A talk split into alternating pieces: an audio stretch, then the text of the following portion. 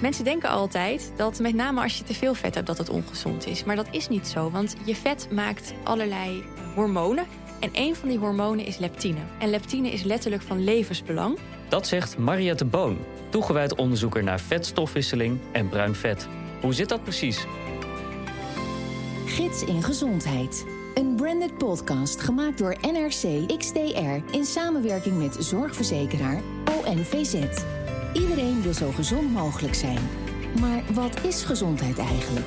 Wanneer ben je gezond? En vooral, hoe word je het? In deze podcast gaan we in gesprek met wetenschappers, artsen en experts op zoek naar de vele geheimen van een gezond leven. Mijn naam is Stijn Elverink, gezondheidsjournalist en communicatiemanager bij ONVZ. In deze podcast praat ik met experts over gezondheid in de breedste zin van het woord. Mariette, welkom in de studio. Je bent internist in opleiding en postdoctoraal onderzoeker bij het Leids Universitair Medisch Centrum. Vorig jaar publiceerde je samen met hoogleraar Liesbeth van Rossum je boek Vet Belangrijk, waarin je ingaat op alle feiten en fabels omtrent ons lichaamsvet. En vet, daar gaan we het in deze podcast over hebben. Mariette, wat is lichaamsvet precies? Vet is een heus orgaan. En we noemen het een orgaan omdat het meer dan 600 hormonen kan maken. En via die hormonen kan het vet als het ware praten met allerlei andere organen in ons lichaam, zoals ook onze hersenen. En hoe is het gesteld met het uh, lichaamsvet van de gemiddelde Nederlander? Nou, we weten dat vorig jaar meer dan de helft van de Nederlanders overgewicht had. Dus we zouden wel kunnen zeggen dat het op dit moment niet al te best gesteld is met de hoeveelheid vet die Nederlanders hebben. Oei, en wat gaan we daaraan doen? Ja, ik denk dat het belangrijk is om ons eerst te realiseren hoe overgewicht ontstaat, uh, voordat we het effectief kunnen aanpakken. En vooral zwaar overgewicht, oftewel obesitas, is een heel complexe ziekte. Dus het ontstaat niet simpelweg door te veel te eten en te weinig bewegen. Tuurlijk, dat, dat draagt zeker bij. Maar het is veel ingewikkelder dan dat. Um, bijvoorbeeld ook uh, stress speelt een rol, weinig slapen. Um, bepaalde medicijnen kunnen een uh, dikmakende bijwerking hebben. Dat speelt allemaal mee. Ook je genen spelen mee. Dus ook al een deel van hoe gevoelig je bent voor het ontwikkelen van overgewicht en obesitas, dat zit al in je genen. En als we ons dat realiseren, dan weten we dat, het niet, dat, we, dat we obesitas niet oplossen uh, door iedereen bijvoorbeeld op dieet te zetten. Dus het is niet eenvoudig van ga minder vet eten en dan val je af. Nee, nee, zo simpel is het helaas niet. Wat zou je dan wel kunnen doen? Nou, je zou eigenlijk in eer, wat, wat eigenlijk de hoeksteen moet zijn van het, van het aanpakken van overgewicht, dat is de leefstijl. Toch, dat, dat, dat daar, daar moet het allemaal mee beginnen. Um, dus je moet een gezond eetpatroon hebben. Uh, je moet voldoende bewegen. Uh, nou, en wat is nou een gezond eetpatroon? Um, daar zijn heel veel uh, visies over. He, moet je nou het vet laten staan? Moet je nou de suikers laten staan? Nou, eigenlijk kort gezegd is er geen één dieet wat voor iedereen werkt. Wat de hoeksteen zou moeten zijn, is zoveel mogelijk onbewerkt eten. Dus zoveel mogelijk de natuurlijke producten kiezen. En in een gezond eetpatroon mag ook af en toe best een taartje passen. je mag jezelf ook af en toe een keertje trakteren, want anders houdt niemand het vol. Nou, en wat verder in een gezond, uh, gezonde leefstijl zou moeten passen, is uh, het voldoende slapen. Ook af en toe ontspanningsmomenten uh, inbouwen. En op die manier kan je, kan je dat het beste inpassen. En stel dat ik nou wil afvallen, wat kan ik dan beter doen? Vet laten staan of juist die koolhydraten laten staan? Wat ik net ook zei, er is geen één dieet wat voor, wat voor iedereen werkt. Um, wat we wel weten is dat als iemand um, diabetes heeft, dus oftewel suikerziekte, of een voorstadium daarvan, dan loont het om de koolhydraten te laten staan. Want daar is het lichaam op dat, is minder gevoelig uh, voor koolhydraten uh, als, je, als je suikerziekte hebt. Kan dat minder goed uh, verwerken. Um, maar als je geen diabetes hebt of een voorstadium daarvan, um, kan je het beste zoveel mogelijk kiezen voor onbewerkte producten. En, en hoe weet ik nou uh, verder, als ik wil afvallen, wat dan voor mij het beste werkt? De vetten laten staan of die, uh, die koolhydraten? Wat, wat ik dan adviseer, is, is om het gewoon uit te proberen. Dat is toch de enige manier om erachter Dat is toch de enige manier. Want we weten ook uit onderzoek, als je uh, een, twee groepen mensen, de ene groep mensen uh, geef je een, uh, een dieet waar weinig koolhydraten in zitten en de andere groep een dieet waar weinig vetten in zitten, Sommige mensen vallen van het een heel veel af, andere mensen van het ander. Dus we weten het gewoon niet. Daar kom je maar op een manier achter door het te proberen. Door het te proberen. En nu, de laatste tijd is het ook heel, uh, heel veel in het nieuws om je ontbijt over te slaan. Is dat nou verstandig? Want ontbijt werd altijd van gezegd: het is de belangrijkste maaltijd van de dag. Wat we er nu van weten, is dat het eigenlijk niet zo heel veel uit zou maken. We dachten eerst altijd, als je ontbijt overslaat, dan eet je later op de dag um, zoveel extra dat je daarvan aankomt. Maar ja, wat nu de laatste studies laten zien, is dat het niet zo heel veel lijkt uit te maken. Maar krijg je dan niet ontzettend honger als je je ontbijt overslaat? Er zijn blijkbaar mensen die gewoon geen ontbijters zijn. En die, die hebben dat dus niet. En als je die mensen forceert om wel te ontbijten, dan gaan ze daar niet van afvallen. Dat is wat we uit onderzoek weten. Uh, maar als jij zelf iemand bent die, uh, die, die heel erg slap wordt of, of hongerig wordt als je je ontbijt overslaat, nou, dan past dat blijkbaar niet bij je. Hoe wordt dat dan precies geregeld, dat hongergevoel? Heeft dat met hormonen te maken? Ja, ja zeker. Het, eigenlijk is je hongergevoel en ook je verzadigingsgevoel... dat is heel erg uh, ingewikkeld. Waar het op neerkomt is als je gegeten hebt... Uh, hè, op een gegeven moment um, bereiken alle voedingsstoffen... die bereiken je, uh, bereiken je dunne darm. En daar worden vervolgens hormonen aangemaakt, darmhormonen... die aan je hersenen een signaaltje geven dat je vol zit dat is wel interessant. Want heel veel mensen denken dat je vol zit, omdat op een gegeven moment er niks meer in je maag past. Maar dat is eigenlijk maar een heel klein stukje van eh, je verzadigingsgevoel. Het belangrijkste is dat die darmhormonen je hersenen vertellen dat je vol zit. Nou, en dat komt ongeveer na 20 minuten op gang. Dus dat betekent dat als je, hè, als je zou, minder zou willen eten, zou je langzamer moeten eten of langer moeten kauwen, zodat dat verzadigingsgevoel de tijd krijgt om op gang te komen. Dus je, je maaltijd snel naar binnen strokken is juist heel onverstandig. Nee, dan is de kans veel groter dat je nog een tweede bord opschept en dus meer, calorieën binnenkrijgt. Aha, maar wat langzaam ook wel eten. langzaam eten. En wat ook goed is om, uh, om te weten, is dat dat verzadigingsgevoel toch heel erg verschilt tussen mensen. Bij sommige mensen is dat verzadigingsgevoel veel beter afgesteld dan bij anderen, waardoor het voor de een ook makkelijker is om die, dat tweede bord te laten staan. En, en wat gebeurt er dan als die hormonen verstoord raken? Nou, wat we weten is als mensen ernstig overgewicht, dus obesitas hebben, dat dat verzadigingsgevoel minder goed werkt. Dus mensen die, die blijven heel veel honger houden. En dat maakt het ook heel erg lastig om, uh, om, om, om, om af te vallen, omdat dat verzadigingsgevoel, ja, dat, dat, dat werkt niet goed. Mensen blijven heel veel honger houden. En dan is natuurlijk een, een, een dieet volgen, dat is ontzettend lastig. Dus um, soms als mensen uh, met ernstig overgewicht heel lang hebben geprobeerd om, om af te vallen en het lukt niet, um, willen we nog wel eens um, een medicijn geven dat dat verzadigingsgevoel kan herstellen. Dat is wel en dat is niet iets wat we laagdrempelig geven, maar dat is iets wat we uh, als, als echt niks werkt, dan kunnen we dat uh, toepassen. Dat is meer bij mensen bij wie die hormoonhuishouding echt is onderregeld. Ja, want dat weten we wel. Kijk, bij, als iemand overgewicht heeft, dus een paar kilootjes te veel, dan kan je vrij goed met uh, het aanpassen van je leefstijl kan je die kilo's kwijtraken. Maar heeft iemand al obesitas, dan is er vaak zoveel verstoord in de hormoonhuishouding dat dat heel erg lastig is om die kilo's er blijvend af te krijgen. Is het nou inderdaad ook zo dat als je inderdaad al overgewicht hebt, dat het moeilijker is om af te vallen? Ja, dat is, dat is wel zo. Als je eenmaal. Dus voorkomen is beter dan genezen. En dat is, dat is echt zo. En ik denk ook dat we daar um, als maatschappij veel meer aan zouden kunnen doen. Dus we, we, worden constant blootgesteld aan allerlei verleiding op straat. Lekker eten, lekker geurend, uh, geurende stroopwafels. Um, en daar zouden we ook echt wat aan moeten doen. Want dat maakt het zoveel moeilijker om, uh, om, om lekker eten te laten staan. Ja, je boek Vet Belangrijk pleit je ook voor het afschaffen van de BMI. Waarom is dat? Ja, BMI staat voor Body Mass Index. En dat is de verhouding tussen je lichaamslengte en je gewicht. En dat kun je ook zelf berekenen. Uh, dat bereken je door uh, je lengte in meters te delen door je gewicht in het kwadraat. En dan krijg je een bepaald getal. En een gezond BMI is tussen de 19 en de 25. Is het onder de 19, dan heb je ondergewicht. Is het tussen de 25 en de 30, dan heb je overgewicht. En boven de 30 heb je ernstig overgewicht, oftewel obesitas. Maar op die getallen, daar valt nog wel wat op af te dingen. Ja, daar valt nog wel wat op af te dingen. Want het zegt natuurlijk niks over de plek waar het vet zit. En dat is eigenlijk de reden dat we er niet zo enthousiast over zijn. Want met name het buikvet, dat is het meest ongezonde vet. Dat kan allerlei ontstekingsstofjes maken uh, op het moment dat het te groot wordt. Hè. Dat kan dan weer leiden tot diabetes, tot hart- en vaatziekten. En um, kijk, als je een BMI hebt van 32, kan het ook zijn dat je een hele gespierde bodybuilder bent. Dus het zegt niet, ja. zo, het zegt niet alles. En daarom um, vinden wij het heel belangrijk dat je ook bijvoorbeeld de buikomtrek meeneemt. Want dan kan je zien of, hè, of daar misschien veel vet zou kunnen zitten. Wat is een goede buikomtrek?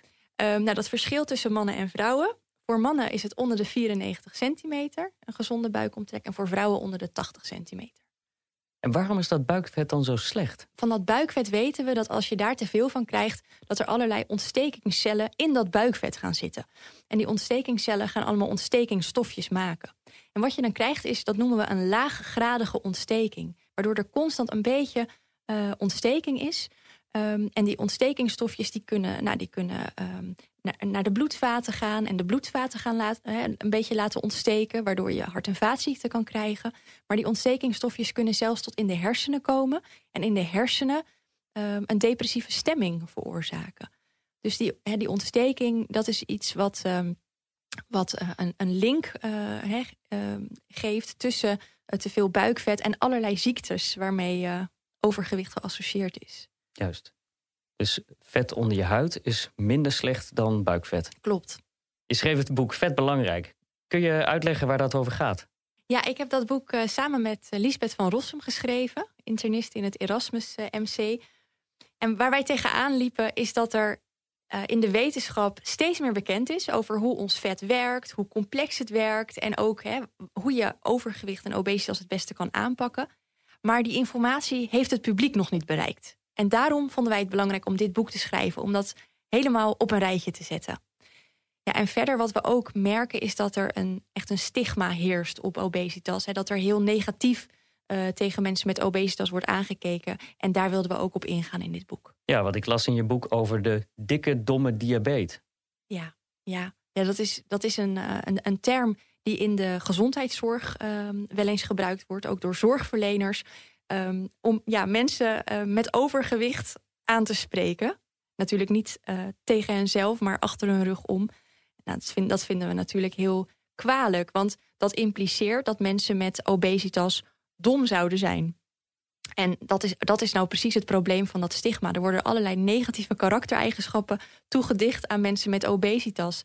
Terwijl obesitas een hele complexe ziekte is. Um, en wat, wat, waar je helemaal niet makkelijk van afkomt. En met dit boek willen we dat ook duidelijk maken. Dus het is te kort door de bocht om te zeggen: het is gewoon een kwestie van uh, een gebrek aan wilskracht. Precies, exact. Veel mensen denken: nou, hè, je moet gewoon minder eten, je moet gewoon gaan sporten. Uh, zo kom je er makkelijk van af. Hè? Als, als, als dat je niet lukt, dan ben je vast heel dom. Nou, zo makkelijk is het niet. Want als je eenmaal obesitas hebt, is het ontzettend moeilijk om ervan af te komen. Omdat er al heel veel systemen verstoord zijn geraakt. En heel veel hormonen ook verstoord zijn geraakt. Het is heel erg moeilijk om ervan af te komen. Ja, dus als je eenmaal te dik bent, is het veel moeilijker om af te vallen. Ja. In je boek schrijf je ook over wit en bruin vet. Wat is het verschil precies? En dat is heel erg interessant. We dachten altijd dat we maar één soort vet hebben, het witte vet. Dat slaat vet op. Uh, maar we hebben dus ook bruin vet. En bruin vet dat is een soort vet wat juist vetten verbrandt tot warmte. Dus eigenlijk een soort warmtekachel. En um, dat is heel erg leuk, want dat uh, bruine vet, dat kan, uh, doordat het vetten verbrandt, kan het bijdragen aan je dagelijkse verbranding. Dus als je op de een of andere manier dat bruin vet kan vergroten, dan kan je je stofwisseling dus versnellen. En één manier om je bruin vet harder aan te zetten is door regelmatig de kou op te zoeken. Dus dat is ook iets wat, wat ik ook in de spreekkamer adviseer, om regelmatig uh, ook de kou op te zoeken. Aha, komt daar het verhaal van die koude douche vandaan? Ja, klopt. Ja, ja. ja ik adviseer ook wel eens mensen um, om koud af te douchen. Uh, om daarmee ook dat bruin vet een prikkel te geven. Ja. En hoe lang moet je dan koud afdouchen? Nou, uh, echt om goed effect te hebben, zou je, zou je meerdere minuten koud moeten afdouchen. Maar wat, wat veel um, uh, haalbaarder is voor veel mensen, dat weten we ook uit studies, is als je de thermostaat wat lager zet. Dat is in de zomer natuurlijk lastig, maar we weten dat als je de thermostaat op 17 graden zet en dan geen dikke trui aantrekt, als je dat al twee uur per dag doet, dan, ga je, dan schiet je vetverbranding al omhoog. Dus dan hoef je niet meer naar de sportschool. Dat wil ik niet beweren, want ook het sporten dat is om heel veel andere redenen gezond. Maar het is in ieder geval wel een manier om je verbranding uh, te verhogen. Is kou nou de enige manier om dat bruine vet te activeren? Nee, we doen daar momenteel heel veel onderzoek naar. Er zijn ook bepaalde voedingsmiddelen die het bruin vet kunnen activeren. Zoals capsaicines. Dat is een bestanddeel uit rode pepers. Aha. regelmatig rode pepers eten, dat uh, activeert ook je bruin vet. En, en, hoe zit dat dan precies met die, met die rode peper? Waar, waarom activeert dat bruin vet?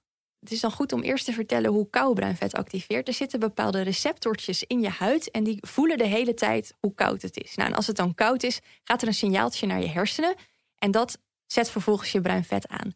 En die uh, rode pepertjes, die kunnen ook ja, via een ander soort receptortje, kunnen ze ook de hersenen een signaal geven dat het bruin vet moet worden aangezet. Dus dat verloopt via de hersenen. Is dat dan ook de reden dat, uh, dat je het warm krijgt als je peper eet?